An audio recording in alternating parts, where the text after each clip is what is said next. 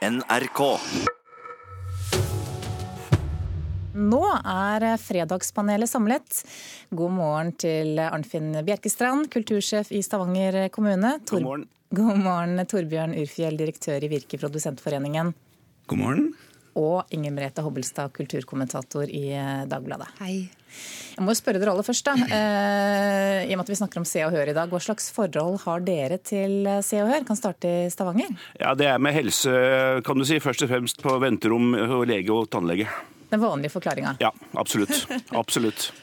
Du, jeg har tilfeldigvis en varig fascinasjon for Se og Hør. og Det har rett og slett med å gjøre at dette er blad som sier at de skal fortelle deg liksom om privatlivet til forskjellige kjente mennesker. Men når de forteller om det, så er det jo alltid disse tropene. Det er liksom at du stråler av kjærlighet, eller at kjærligheten tok slutt. Så det er jo på en måte en veldig avindividualisering av disse folka man liksom skal få vite mer om. Og det at det liksom funker og er suksessoppskriften, det merker jeg at jeg syns er fascinerende. Mitt nærmeste forhold til Se og Hør det er jo at jeg er korsanger på fritida i Oslo Fagottkor, så vi skal synge på den store jubileumsfesten i Spektrum i helga. Gleder jeg meg til. På søndag. Yes. Det blir bra. Vi skal jo snakke, til, nei, vi skal snakke om en annen ting som har fått mye oppmerksomhet, også i Se og Hør denne uken. Du skulle jo ha en sånn fin drakt med hjerter på. Action-Frank og hjerter det passer ikke sammen. Noe god partner følte jeg heller ikke at du var. så Jeg vet ikke om du ble stressa at du ikke hadde på deg mer, eller om det var Tone som ble stressa av det. Det vet jeg ikke. Men jeg må dessverre si at dette imponerte meg ikke. Ja, TV 2 har altså avsluttet alt samarbeid med tidligere håndballspiller Frank Løke, etter at han stilte nesten naken i programmet Skal vi danse i helgen, til manges store overraskelse. En dansk redaktør kaller det hele for befriende og forfriskende, ifølge Dagbladet. Og spørsmålet til panelet er gjorde TV 2 rett i å kaste ham ut? Ja. Eh, ja, med forbehold. Ja, det gjorde de vel. Det sto sikkert i kontrakten. Og hva skulle han ha på seg neste gang? Begynn med deg, da, Inger Merete, som, som lager et forbehold. Ja, altså For det første virker dette helt eh, rimelig. altså Fra en litt sånn hva skal jeg si, snerpete begrunnelse om at det er et familieprogram som har blitt påpekt. Og dette var jo pinlig for absolutt alle involverte, selv de som ikke selv skjønner at det var, at det var litt pinlig. Når det er sagt, så er jo dette en fyr som har vært en villmann i absolutt alle sammenhenger. Han har vært det, inkludert sitt profesjonelle liv. Dette er åpenbart det TV 2 har hyret ham inn for å være hos, hos dem også. Nå har det vært utrolig mye frem og tilbake om hvem som visste hva eh, før dette fant sted. Så det er jo et litt sånn aroma av hykleri over det hele. Da tenker jeg at han er antagelig gitt denne hanket inn i dette programmet for å være uforutsigbar og crazy. Og når han er det akkurat litt for mye, så, så kastes han på en måte litt til ulvene. Da. Ikke det at han ikke klarte å kaste seg selv til ulvene, for det gjør han i aller høyeste grad. Mm -hmm. Men det er også en, en side av denne forargelsen som jeg syns smaker litt dårlig. Ja, for Han har jo blitt bedt om å by på seg selv, ifølge ham selv i hvert fall. TV 2 har i hvert fall fått betalt nå. Nå sitter vi og diskuterer dette programmet her, så sånn sett har redaksjonen lykkes 100% Så det er bra. Men jeg tenker jo det at det er også et perspektiv i forhold til nakenhud, menn, kvinner. Det er jo ett annet uh, representert i alle kjønn når det gjelder nakenhud. Så jeg synes det er også et perspektiv. Men jeg syns nok det at selve det, Han har brudd på varslingsplikten. Du skal varsle en partner på hva du skal ha på deg, og se om det matcher. Det, den varslingsplikten har han brutt. Det er ikke dette jeg reagerer på. for Jeg syns det kan være forfriskende. Det var sikkert moro og til og med litt lekkert. Han, er jo, han, han, han ønsker jo sjøl å bli et objekt, og han blir det. Og det må han få lov til. Men her for meg handler det om et eksempel på at retningslinjene for å forhindre seksuell trakassering faktisk virker. Her er det en fyr som har begått seksuell trakassering. Og så har han fått mulighet til å rette det opp. Han kunne hanka seg inn igjen. Han kunne sagt at det skal ikke skje igjen. Og så er de som da har hyra han inn, ikke trygge på at det ikke kan skje igjen. Og jeg syns det beste beviset på at det er en fyr som ikke klarer å håndtere seksuell trakassering, er også oppfølgende Instagram-poster der han shamer Guri Itzøviken, som er en kjent fredagspaneldeltaker også. Mm. Men det er vel ikke sikkert at han er enig i at dette er seksuell trakassering, så vi må kanskje Han har ikke mulighet til å svare på det her? Nei, men det har han jo hatt anledning til å svare på i forkant og være en prosess i, i etterkant av dette her. Og når man legger ut sånn som den posten som han gjør med Guro Ytseviken, der han antyder at han gjør mannfolkarbeid for å betale i natura, så viser det at det er en fyr som ikke evner å forholde seg til andre mennesker på en fornuftig måte. Og det er jo ikke han som bestemmer det, antageligvis. Nei. Men var det litt morsomt også? Ja. Ja, altså jo, det, vi jo, må jo sånn sett være takknemlige, for det ga jo alle en sånn automatisk snakkis den kommende uken. Hvis du sto og følte at det var en samtale som var litt trå forrige gang, så kunne du bare si 'gud, hva syns du om det der?' Og så ville du jo ha en gratis samtale de neste, eh, neste ti minuttene. Eh, men bortsett fra det så er jeg helt enig her. og ikke sant, det At han vil liksom gjøre seg selv til objekt og generelt ta på seg litt klær, altså det må han jo for guds skyld få lov til. Men det er jo også noe at man må ha en viss sånn redaksjonell styring da, når man går ut eh, i så mange hjem eh, på det sendetidspunktet som Skal vi danse har. Og, og, det at de følte at den kontrollen var i ferd med å glippe. altså da, da, skjønner jeg at man følte at man ikke hadde noe valg. Det er ikke min favorittdrakt, men jeg innser at den har effekt. Mm. Så er det snakk om at dette var et familieprogram. Spiller det egentlig noen rolle hvor dette skjedde? At det var på Skal vi danse på en lørdagskveld? Nei, det der må den tåle. Og uh, det, det, at du blir utfordra grenser på den måten der, det uh, må nok oppdragsgiveren her kalkulere at kan skje. For det, det vet de veldig godt. De her handler det om å ha en deltaker som er ute av kontroll på hva du kan risikere at man kan gjøre framover, og da må man sette foten ned.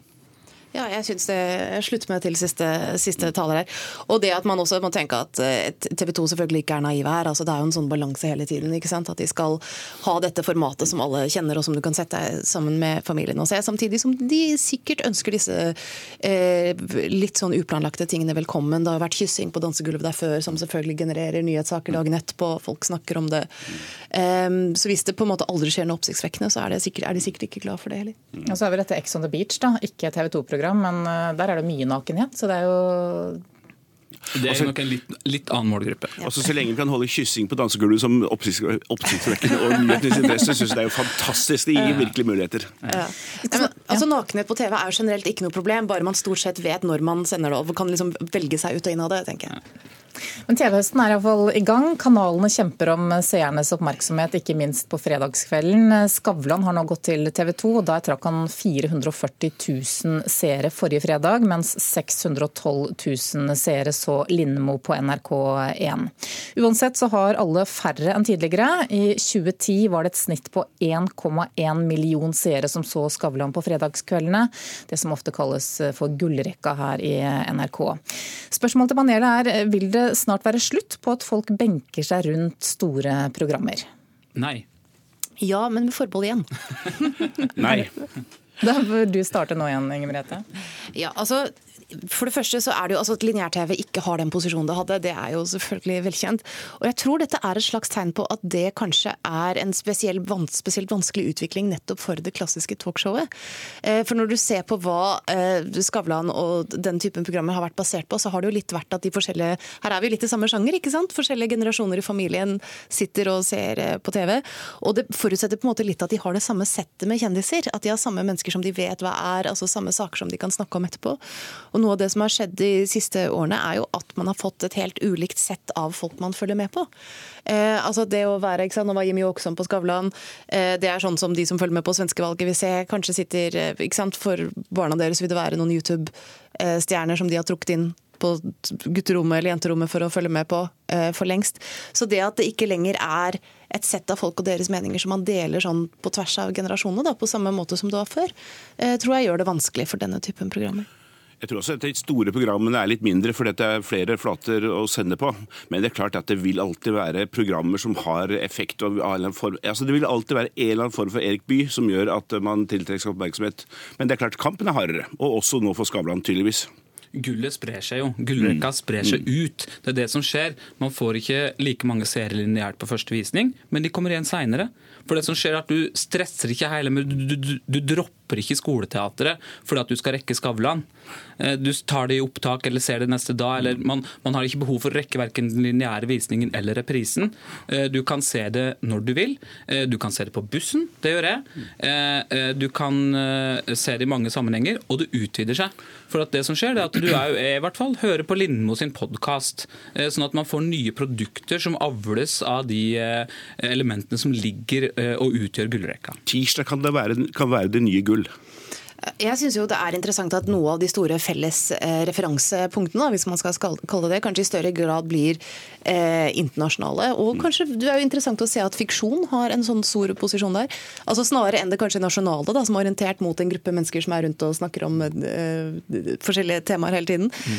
Eh, altså det at Game of Thrones er en av de største eh, globale sånn, om, samtaletemaene rett og slett nå, hvor folk over hele verden vil vite akkurat hvem den og den rollefiguren er, og man, eh, hvem som kommer til å ligge med hvem eller drepe hvem, eh, på en måte som kanskje disse mer sånn nasjonale produktene ikke, ikke, helt kan få til. Men hvis spørsmålet om den rituelle TV-kikkinga klokka 20.55 på fredag eller 20.30 er på vei ut, så er, så er, det på vei ut. Det er det ingen tvil om. Mm, ja, for Tidligere så har vi vært bekymret for at folk så for mye på TV. Og nå er det så mye snakk om dette her med at lineære TV-tittinga går ned kan aldri se for mye TV. Du blir veldig klok av å se på TV. men, men altså, dette er jo, litt, det er jo litt vemodig, for det er jo en litt sånn æra som er over. Jeg husker jeg leste om NRKs historie. altså 1962, Da var Radioteatret en sånn stor samling av folk. Satt, alle satt foran Radioteatret og hørte på det. Og i, jeg tror det var i 62 så var det altså et boksestevne på Jordal Amfi, og så fant de ut at dette gikk akkurat samtidig som siste episode av Paul Tempel og Gregory-mysteriet. Og bare nei, hva skal vi gjøre?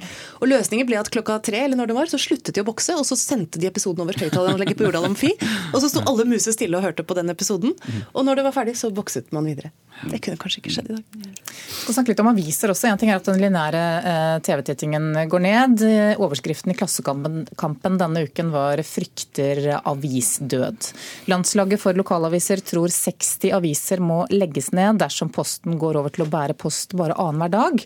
Også en riksavis som Nasjonen frykter for konsekvensene. Mediebransjen må få folk over på det digitale, sier samferdselsminister Jon Georg Dale også til Klassekampen. Han mener staten ikke kan betale for å dele ut aviser over hele landet hver bidige dag.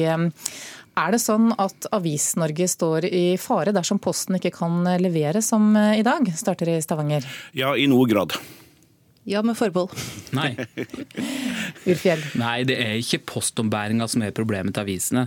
Det er jo, den, altså jo utviklinga generelt. og Det er klart at Jon Georg Dale har rett i at avisene må over digitalt. Eh, men så gjør han det jo enkelt for seg og sier at eh, man ikke kan drive og ha en post som eh, at den må være lønnsom. Det er jo et politisk valg. Og Der har man en mann som Inge Ryan som jeg husker en gang sa at Posten skal ikke gå med overskudd, Posten skal gå med Posten. Og Det er et politisk valg om Posten skal gå med Posten eller overskudd. Jeg tror det er fornuftig å redusere postombæring og akseptere at ikke man får papiravis i postkassa si mer enn annenhver dag. Eh, og så får avisene tilpasse seg det. Det er ikke den største utfordringen de har, det er mange andre utfordringer som er vel så store imidlertid helt Posten skal fram. Ehm, jeg tenker det at eh, Dette er et, demokrati, et demokratiprosjekt. Altså, bare spør retorisk, Skal Posten gjøre noe annet enn å bære aviser? Altså, det er en veldig veldig viktig oppgave. Ehm, så skal selvfølgelig avisene tilpasse seg noe de gjør hele tiden. og Det er ikke sikkert alt skal i postkassa. Men jeg tror det er viktig i dette langstrakte landet å holde et postombæring som eh, er, er bærekraftig.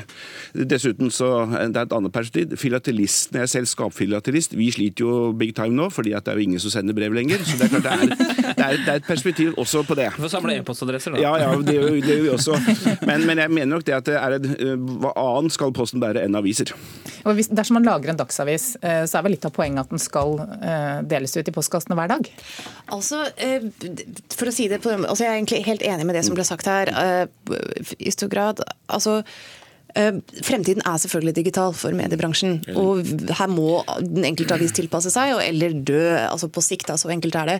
Men det er noe at det å fremskynde den prosessen kan selvfølgelig være fatalt. Det har den blitt påtvunget deg før du er klar på det. fordi det er en ekstremt komplisert prosess å prøve å få økonomien til å være nettbasert og ikke papirbasert. Ja, for Kvaliteten på nett må opp, for å si det sånn. Det er jo det som er utfordringen, tenker jeg. At papir i hvert fall for meg fremstår mye mer kvalitetsmessig, mye, mye, ja, altså, mye bedre enn det som er på, på nettet. Ja, ellers så er det bare eh, også dette dette med at det er ikke rett og slett så lett å generere inntekter på nett, på den måten man genererer av eh, inntekter av papirsalg.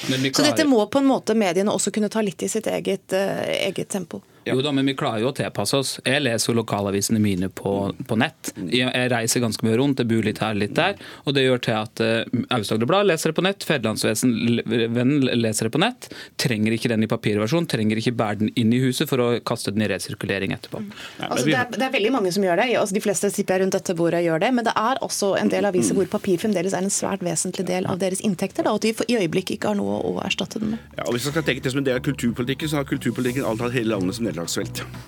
Da fikk Arnfinn Bjerkestrand siste ord. Takk for at dere kom, Torbjørn Urfjell også, og Inger Merete Hobbelstad. Klokka nærmer seg 8.30. Vi får Dagsnytt, og så fortsetter Nyhetsmorgen helt frem til klokka ni.